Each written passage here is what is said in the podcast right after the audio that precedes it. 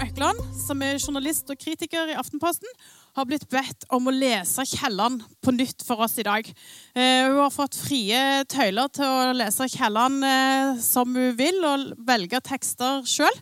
Eh, og har landa primært på kjærlighetsdikteren Kielland, så det er vi veldig spent på å høre om. Jeg tror bare sier vær så god, Ingunn, ordet er ditt.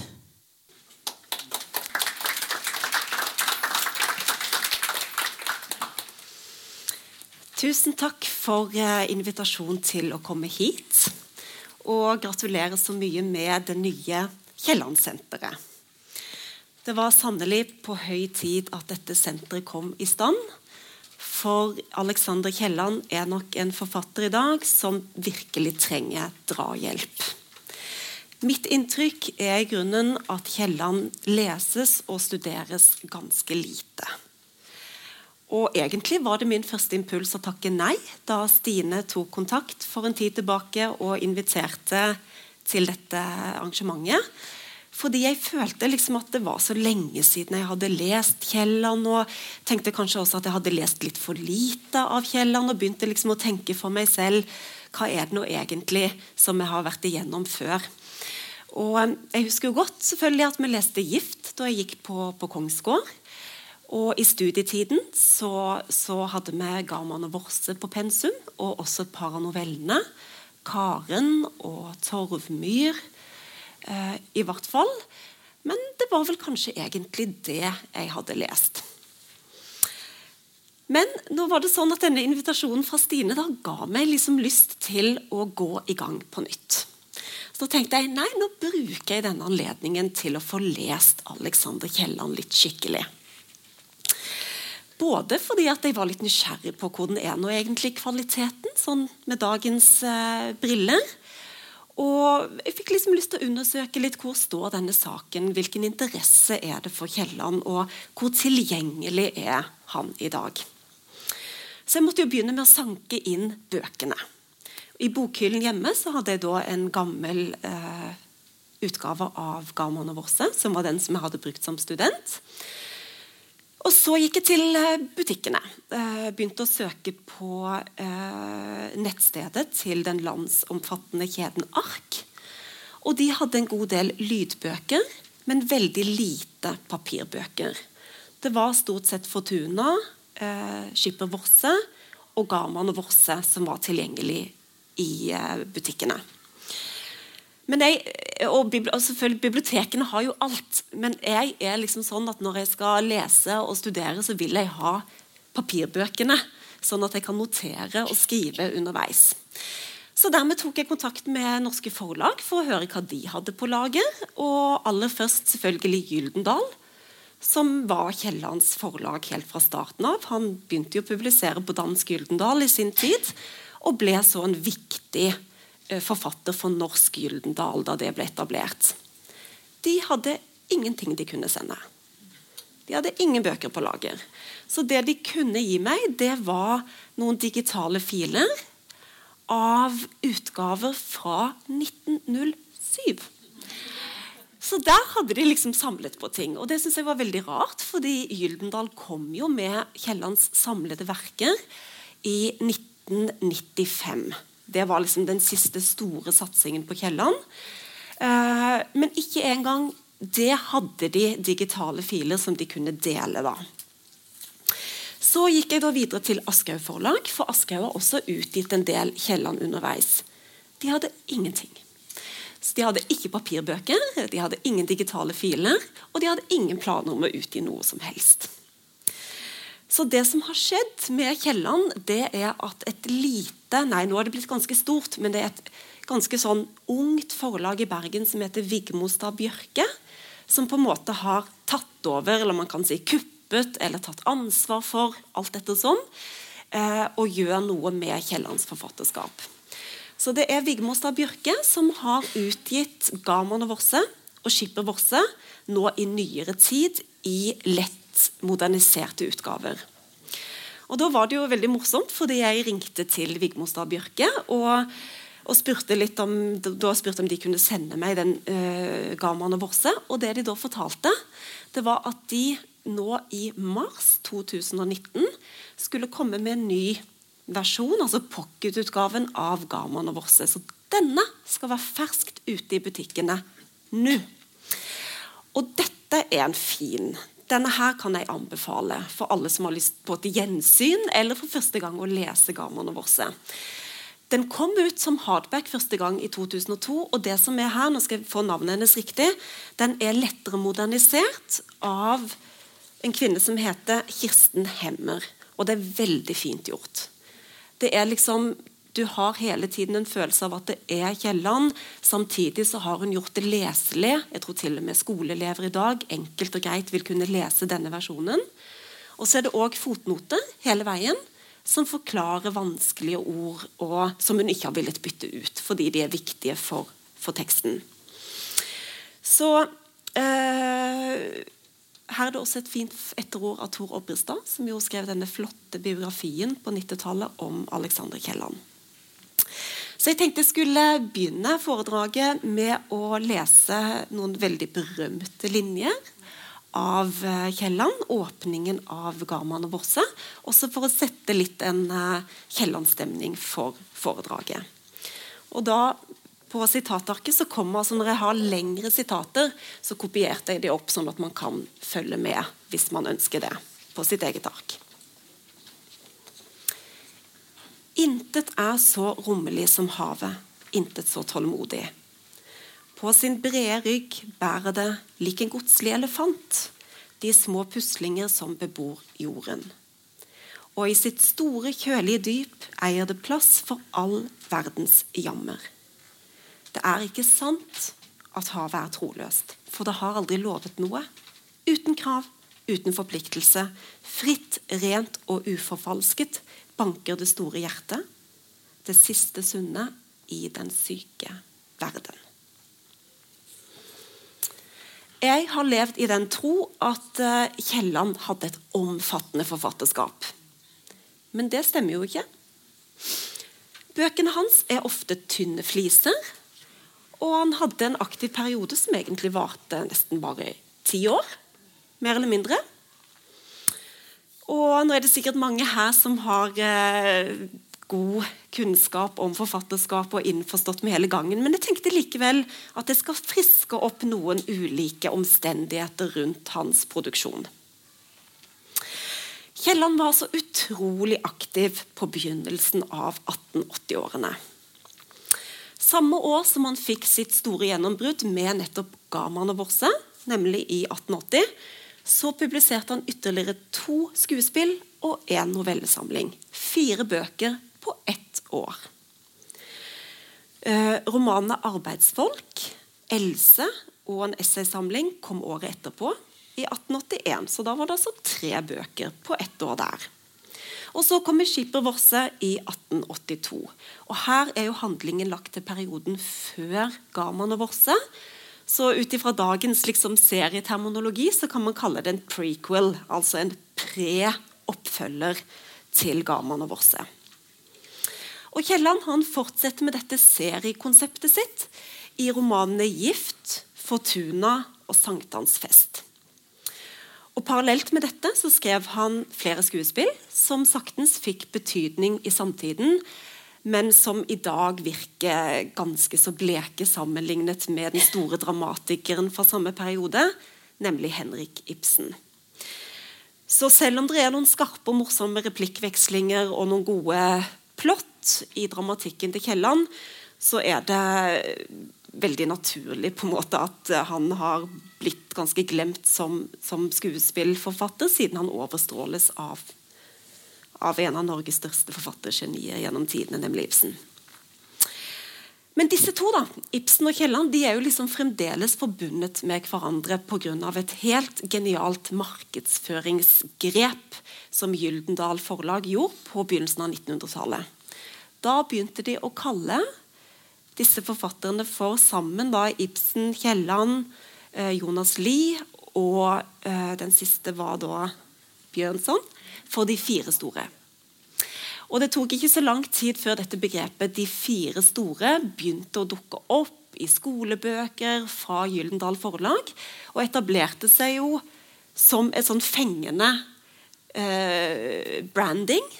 Og som noe som på en måte henger litt igjen i dag. Og jeg tror at det er en grunn til at Kielland har en posisjon i offentligheten i dag, er liksom at han er fremdeles en av disse fire store. da.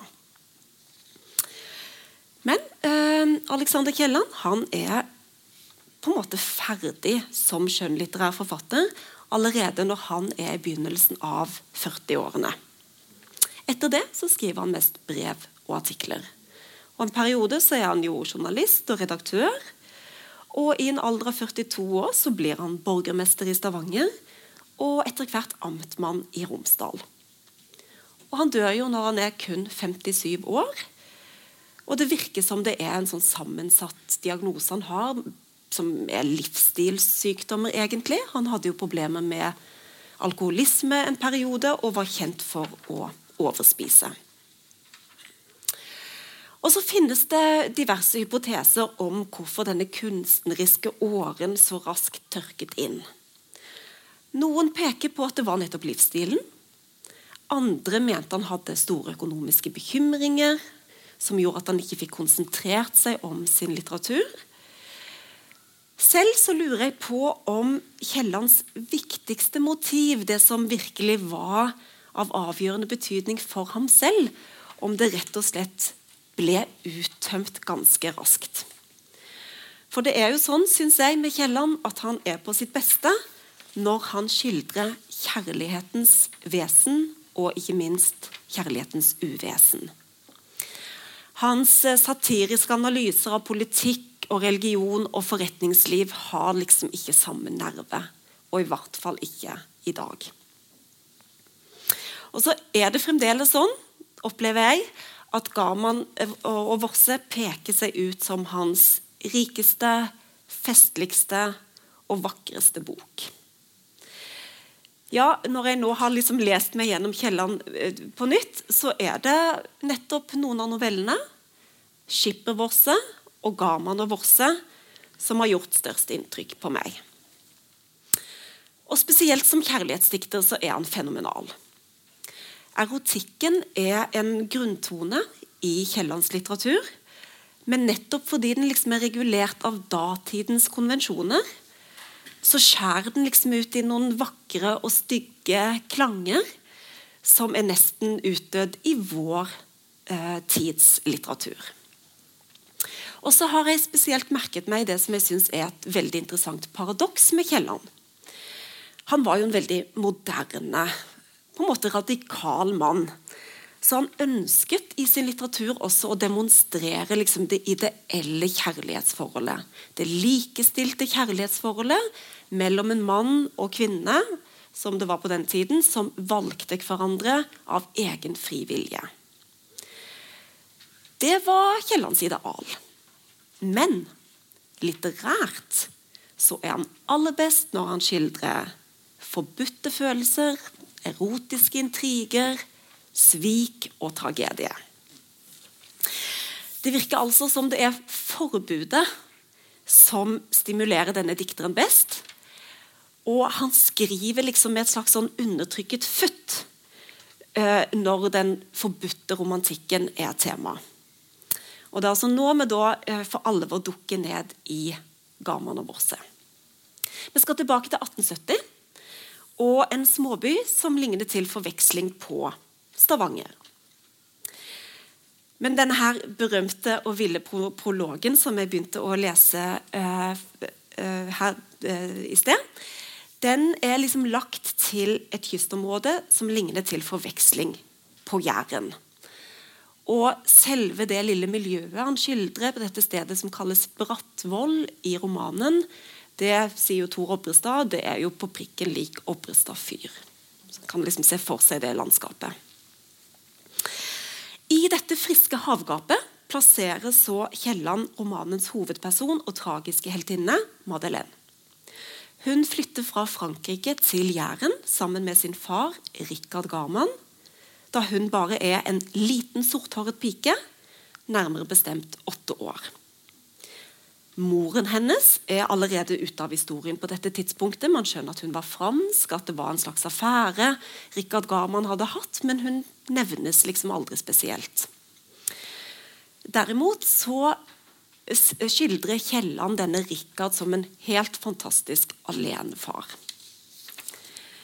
Ehm, de bor jo da på dette fyret på Brattvoll, og Kielland tegner konturene av et helt spesielt fellesskap.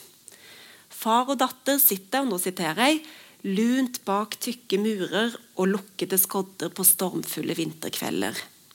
Det evige drønn fra havet blandet seg i deres samtaler, i deres latter, i hennes musikk. Deres hele liv tok en frisk smak av dette alltid vekslende hav som skyllet like under deres vinduer. Og Madeleine hun har arvet farens lette sinn, heter det. Men hun har også noe heftig og trossig over seg, som Kielland skriver. Og Som voksen er det hun som blir den sterkeste, og nå er hun ca. 18 år. Sitat. Faren bøyde av, det var nå hans metode. Han lo av sin lille tyrann, og hun rusket ham i hans tykke, krøllete hår. Sitat slutt. Men på ett punkt så er faren hennes overmann. Faren gjør kort prosess da han skjønner at Madeleine har blitt forelsket i sin barndomsvenn Per, som er sønn av en fisker. Og Da er det en scene i romanen der man må se for seg Rikard, faren. Han er liksom oppe på fyret. Så ser han ned på stranden, og så ser han da at Per og Madeleine liksom flørter i sanddynene, og at han skjønner liksom at uh, erotikken er i ferd med å våkne i disse to gode vennene. De lekte og lo, skriver Kielland, som barn uten å merke at de var voksne. Det syns jeg er nydelig. Um, og Forfatteren legger altså denne flørten til på en måte den uskyldsrene stranden. Men Rikard Garman han er jo vant til liv i Paris, og han har skjønner vi da, litt mellom linjene, forskjellige erotiske erfaringer fra Paris, som gjør at han saktens tenker liksom et stykke frem når han ser Madeleine og Per der nede på stranden. Så han bestemmer seg for å fjerne Madeleine fra fiskerguttens favn og få henne trygt plassert hos sin rike familie i byen. Det, I romanen så snakker de om Sandsgård, og det er da et eh, familiens bolig i, i, en by som ligner på Stavanger. Og denne skjønne åpningen med livet der på Brattvoll og Madeleine i fri utfoldelse sammen med Per, det blir liksom stående som en sterk visjon i Garman og Borse for ekte kjærlighet. Når Madeleine tvangsplasseres i byen, så reduseres hun til en brikke i et stort persongalleri som er preget av erotiske intriger. Og Kielland skifter litt stil her. Eh, han blir liksom slepen og satirisk. Og du merker at forfatteren har en egen glede av å dissekere liksom, borgerskapets maskespill. Og I langsom takt eh, så introduserer han leseren da for de ulike formene for kjærlighetsliv som, som, som, eh, kunne, som kunne, forekomme i dette sosiale sjiktet på, på 1870-tallet.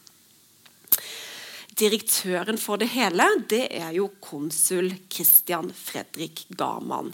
Det er han som på dette tidspunktet styrer huset Garman.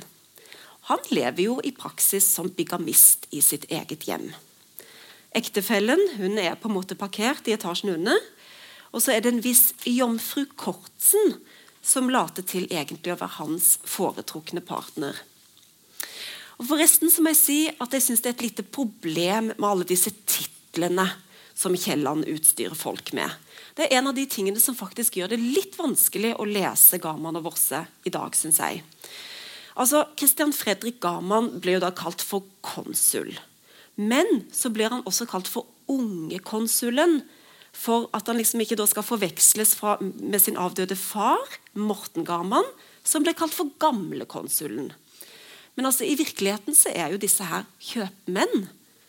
Så hvorfor de kalles for konsul, det er liksom også litt uklart.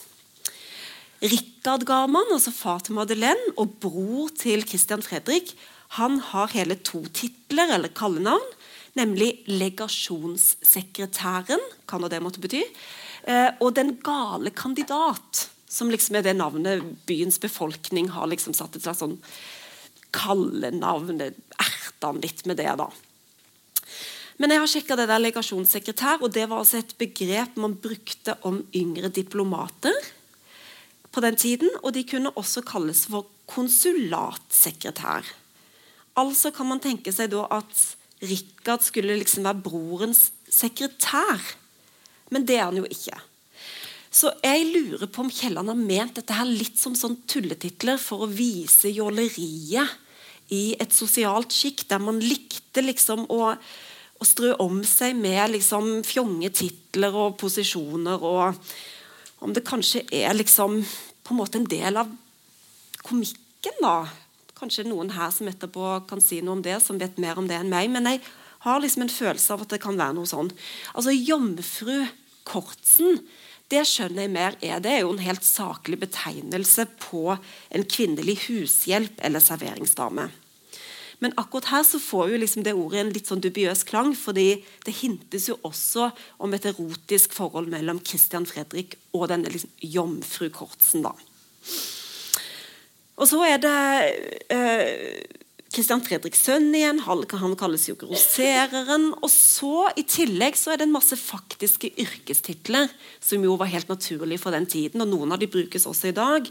Men her er liksom folk da pastor, adjunkt, skolestyre, kandidat, amtmann, fullmektig. Alt dette her er en liten bøyg for meg. Men tilbake til de erotiske intrigene. Eh, Christian Fredriks sønn grosserer Morten Garman han er jo gift med denne vakre kvinnen som heter Fanny. Og Disse to har en sønn sammen, som Kielland festlig nok karakteriserer som en hvithåret, tykk tingest på fem år. I tillegg så har Morten Garman fått eh, barn med en uh, nydelig jente fra arbeiderklassen. Fattig jente. Hun heter Marianne. Og hun går jo faktisk til grunne etter dette forholdet til Morten Garman. Barnet dør, hun blir dypt deprimert. Og er på en måte et, står et, som et eksempel på hvordan borgerskapet liksom kan utnytte jenter i lavere sosiale sjikt på den tiden. Altså, De mektige mennene er ikke uventet i posisjon til å leve ut ulike former for dobbeltliv i Garman og Vosse. Og Under lesningen av den her så kom jeg mange ganger til å tenke på 'Fanny og Alexander' av Ingmar Bergman. Den er jo både filmet og det finnes som bok. og Jeg så den filmen. Jeg har en sånn eh, tradisjon med å se 'Fanny og Alexander' før jul hvert eneste år. hvis jeg har fått en Fantastisk julefilm. da. Men der er det en scene der fru Ekdal det er jo hun som er mater familie, altså, som styrer liksom hele sitt Hun har tre, brød, tre sønner, og de er det jo alle sammen noe rart med og galt med. Og, og, men hun er liksom klippen, da. Og så er det en scene der hun sitter i sin store leilighet i Stockholm, og så reflekterer hun liksom over disse mannfolkene i familien. Og så sier hun da Ja, og, og inkluderer da sin egen avdøde mann de var nå alle sammen overerotiske. Og ler litt for seg selv. Og så sier hun det ble nå litt for mye for meg selv, men jeg nektet aldri. Uh, og Fru Kortsen har en lignende kommentar i Garman og Vorse.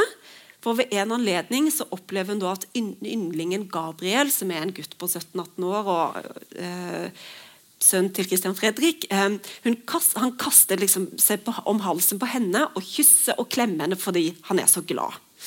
Og Så går han videre og klapser en kjøkkenjente på, på baken. Og, og, da er det hun kommenterer. Det ligger dem i blodet, alle sammen, sier fru Kortsen. Men Gabriel han blir den verste av alle. Kvinnene er ikke helt uten selvbestemmelse i dette spillet. Fru Fanny ga man da hun dyrker liksom forskjellige typer forelskelser. Hun kjeder seg i hverdagen, hun trenger noe å holde på med. Og hun finner da kandidater som hun kan legge sin elsk på og ha et sånn romantisk spill gående med. Um, og det hun holder på med, det er kanskje noe som på en måte er mest overførbart til vår tid. En slags sånn litt uforpliktende flørt som kan gli over i utroskap eller ei. Forfatteren selv han gir liksom sin tilslutning kun til ett av kjærlighetsforholdene i denne boken. Og det er det eneste forholdet som da oppstår mellom to frie mennesker som velger hverandre selv. Eh, og det er jo Jakob Forse eh, og en datter av Christian Fredrik som heter Rakel Garman.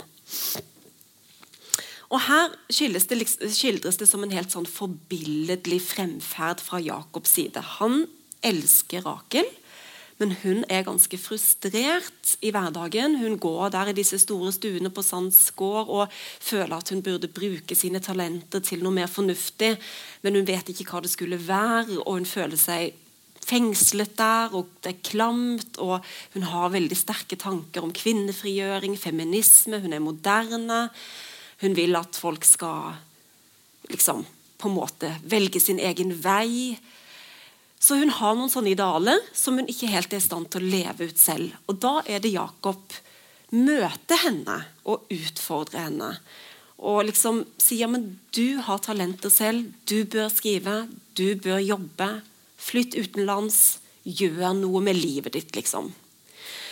Så han, selv om han egentlig vil ha henne hos seg selv, så utfordrer han henne, og det ender med at hun flytter til Paris og jobber der i mange år, faktisk i seks år. Så hun slipper liksom ut av dette passive kvinnelivet og får seg en selvstendig karriere.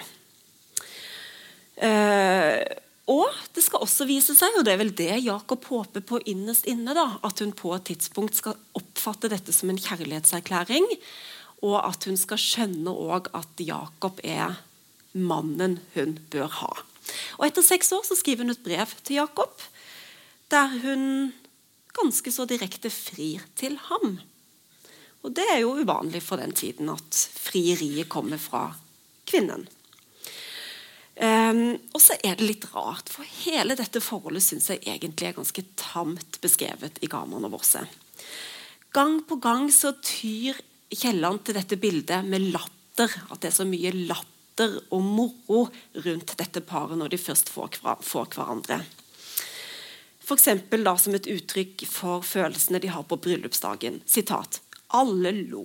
Kusken lo, pikene lo, de nygifte lo, og det ble ledd og fortalt og laget punch og drukket og jubileret.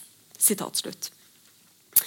Og jeg opplever at denne brusende lykken liksom blir en påstand. Det er liksom noe skissepreget over hele forbindelsen. Eh, og man lurer på liksom i alle disse seks årene hun arbeider utenlands, hvorfor er det liksom ikke noe det er ikke noe kontakt, det er ikke noe uttrykk for følelser. Setter hun han på en utholdenhetsprøve? Det skjønner man ikke. Hvor lang tid trenger hun på å bestemme seg? Er hun egentlig så forelsket hvis det tar seks år? Altså, Man får liksom ikke helt tak i det. det. er ikke noe erotisk kraft. Det er så lite ved dette her forholdet. da. Men det man skjønner, det er at Jakob er ekte forelsket i henne. Det forstår man ut av teksten. Fordi blant annet så får denne romanen et veldig tempo i det Jakob mottar brevet fra Rakel. Så får han liksom en enorm impuls til å komme seg gårde til Paris med en gang. Og Han liksom bare pakker sakene og får akkurat liksom sagt farvel til sin mor. Og hun kjenner til hele bakteppet her, og hun kaster seg liksom om sønnens hals og gir han et kyss og sier nå blir det endelig som det skulle være. Og han tar første båt til Paris. Den ligger klar forresten på kaien. og liksom alt så, så, liksom, så, det er ganske flott. Hvordan denne Jakob som har gått og lengtet når han får sin forløsning, liksom hvordan Kielland klarer å vise den iveren og lykken. da. Men Rakel og han sammen det får jeg ikke så mye ut av. Men det er jo Madeleines skjebne som er forfatterens egentlige anliggende i denne boken. Og hennes skjebne skildres i et språk som taler rett til leserens hjerte. Eh, Madeleine hun hadde jo planlagt å stå opp for sin kjærlighet til Per. Men i byen så liksom gnures hun ned og passiviseres. Og Kielland skildrer akkurat den gnuringen eh, så presist at jeg har lyst til å lese et litt lengre utdrag. Det er altså sitat nummer to for de som har lyst til å følge med.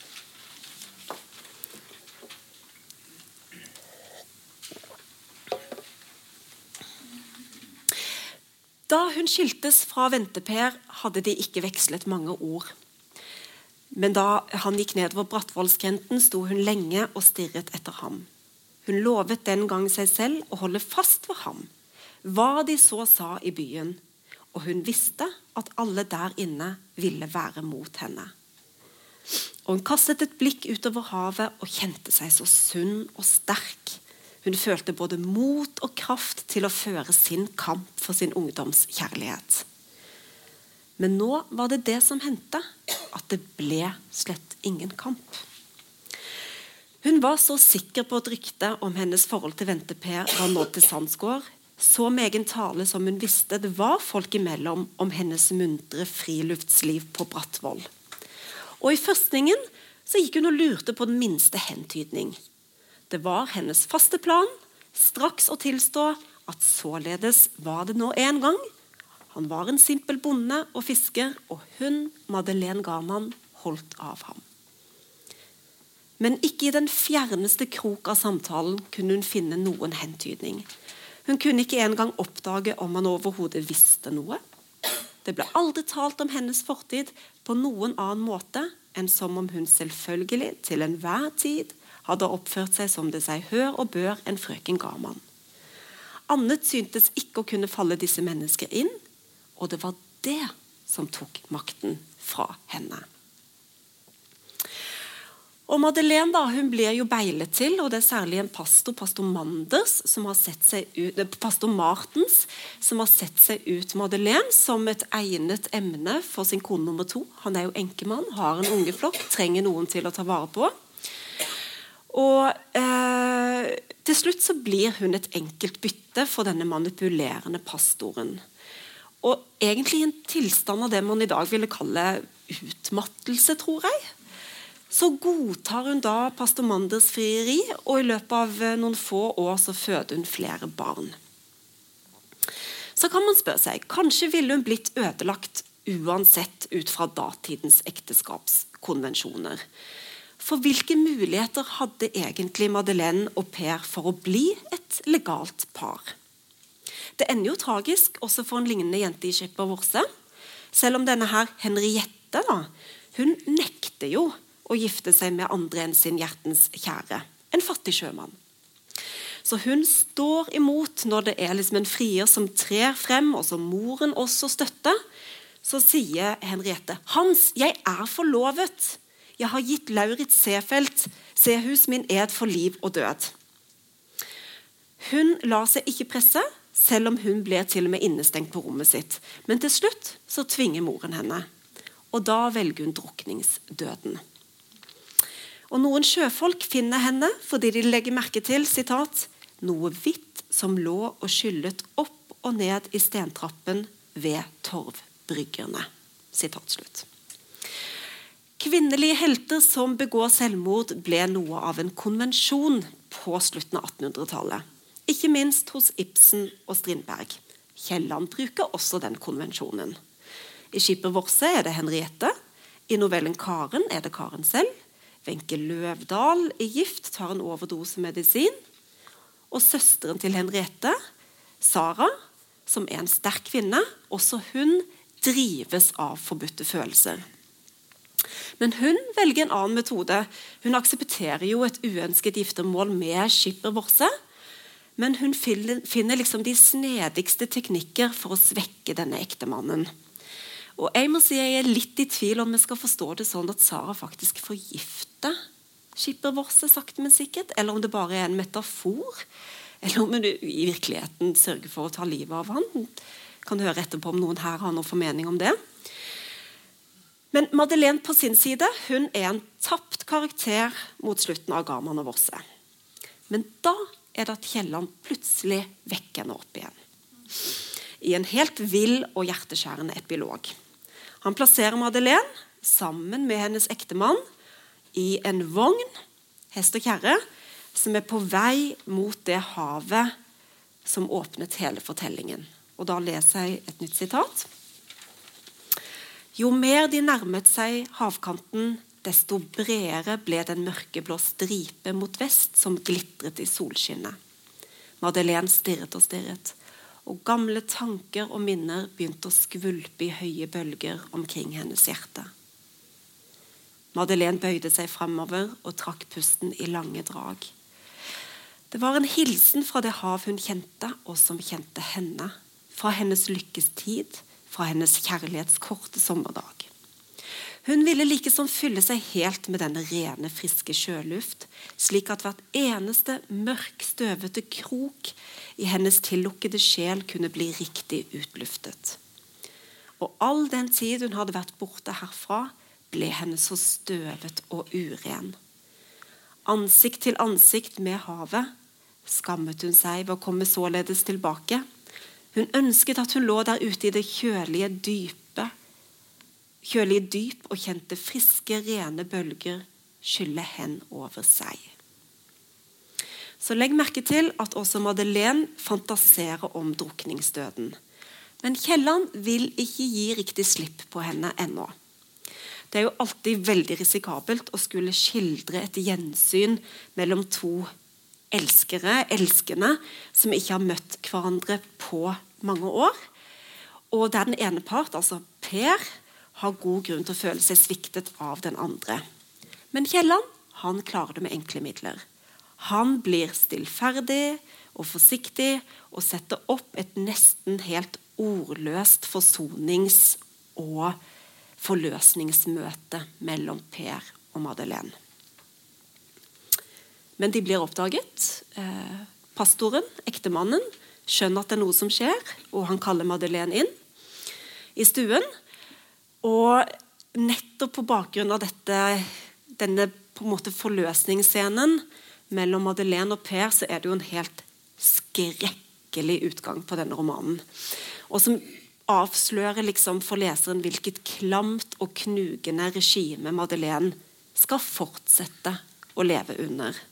Og Da leser jeg det siste eh, sitatet. Presten Martens forsto det hele, dog. Man kunne tale senere om den saken hvis det var nødvendig. Det var ikke verdt å forspille det skjønne måltid. Han rakte sin kone fløten med et vennlig smil og strøk henne over skulderen. Derpå tok han fatt på sine små hummer, som smakte ham fortreffelig. Det er jo en helt grusom og fantastisk punchline, og dette er forfatteren på hans ypperste. Legg merke til han gjør noe lignende i 'Gift'. Og Alexander Kiellands eh, biograf Tor Obrestad han tolker jo Madeleine som et slags selvportrett. Og han mener at hennes historie speiler forfatterens egen. Alexander hadde selv en ungdomskjæreste på Jæren eh, da han ble forlovet med en byjente i Stavanger. Og denne her Bondejenta da, på Jæren hun fødte faktisk hans sønn samme år som han gifte seg med bypiken. Uh, og så har jeg spurt meg hvis det er et selvportrett, hvorfor måtte da hovedpersonen være en jente? For Gaman og Vosse ville jo opplagt vært enda mer radikal som roman hvis den tragiske helten var en ung mann da uten egentlig selvbestemmelse. Nå er det jo fiskersønnen Per som blir det eneste eksempelet på en helt umyndig mann. Og det er jo fremfor alt pga. hans stand, ikke pga. hans kjønn. Alexander Kielland ble ofte nok kritisert for å skrive for tett på sin egen familie. Og kanskje gjør han hovedpersonen her til en jente. Kanskje fiksjonaliserer han for å beskytte både seg selv og de to kvinnene i hans liv. Og denne Ungdomskjæresten fra Jæren hun er jo påfallende fraværende i alt han skrev, også brever, til tross for at disse to skal ha beholdt kontakten hele livet. Og Det er Tor Obrestad som forteller om denne historien. og Han siterer også en av vennene til Kielland, som skriver i et brev om, om bondejenta. Da. Ehm, der ute, altså på Jæren, hadde han møtt sin jevnbyrdige og talt lenge med den venn som i grunnen var hans eneste. Og Det minner meg kanskje litt om Abraham Løvdahl i 'Fortuna', som jo er gift standsmessig, men lever etter hvert i et irritabelt og ganske kjølig ekteskap, men som får da et veldig fortrolig forhold til denne blinde piken Klara, som kommer fra arbeiderklassen, og som sitter og fletter kurver i en sånn enkeltstue. Og der blir jo Abraham fast gjest for å tale med sin jevnbyrdige venn. Vel, Kielland er disk diskré, og Vigdis Hjorth kommenterer hans diskresjon i et fint essay som kom for et par år siden. Det heter 'Å tale og gå tid om sitt liv'. Og Hun mener da at Kielland er uhyre bevisst hva han kan tale om, og hva han kan tie om. Um, og Hun skriver spesielt, hun skriver ikke om Garman og Vosse, men om denne her boken som heter 'Agerhøns med champagne'. Alexander Kiellands opptegnelser til en selvbiografi. Han fikk jo liksom aldri skrevet den selvbiografien, men notatene er samlet i en bok likevel. Og Der også er han veldig diskré om kjærlighetslivet. Eh, og Vigdis Hjorth kommenterer, og jeg tror det gjelder da for Kielland, mennesket har jo behov for hemmeligheter. Men hun er forresten ja nå skal jeg passe på å slutte så noenlunde i tide, hun er forresten en av få samtidsforfattere som i det hele tatt ytrer seg om Kielland. Det skrives veldig lite om forfatterskapet for tiden, og heller ikke akademikere virker noe særlig engasjert. Kommer ut lite tolkninger, analyser og bøker om Kielland. Sånn sett så åpner jo Kielland-senter på et tidspunkt der interessen er på et lavmål. Så man må starte fra scratch. Og det er jo kanskje ikke noe dumt utgangspunkt heller, for da kan Kiellandsenteret bli en øyeåpner for gjenglemte verdisaker i vår litteraturhistorie. For jeg vil jo si at Alexander Kielland består testen også i 2019. Men ikke nødvendigvis på den måten som jeg selv hadde forventet. Hans litteratur er ikke nødvendigvis så enkel å aktualisere. Og Kanskje må man fri seg litt fra dette vinnerlige mas om aktualisering. Og tenke at ok, nei, men her kan man så leve seg inn i en annen tid og noen andre skjebner og noen andre strukturer. Men så kan det hende at, at det kanskje gjør han også mindre aktuell enn han er. fordi jeg husker da 'Amtmannens døtre' av Camilla Collett kom ut på nytt for noen år siden. Så var det mange lærere som begynte å fortelle at de leste da 'Amtmannens døtre' med sine multikulturelle elever. Eh, og mange elever sa at de kjente seg igjen. De opplevde òg at eh, jentene skulle være dydige og vente på frierier og passe på. Og, og, og så tenker jeg litt Kanskje også Garman og Vorse, da, særlig. Hvis man tar den boken med inn i multikulturelle klasserom og lar elevene bare lese den liksom, uten å på forhånd gjøre så mye problematiseringer, så kan det altså hende at dette er en bok som er forståelig, fordi den handler om altså arrangerte ekteskap som liksom skjer over hodene på ungdommen selv.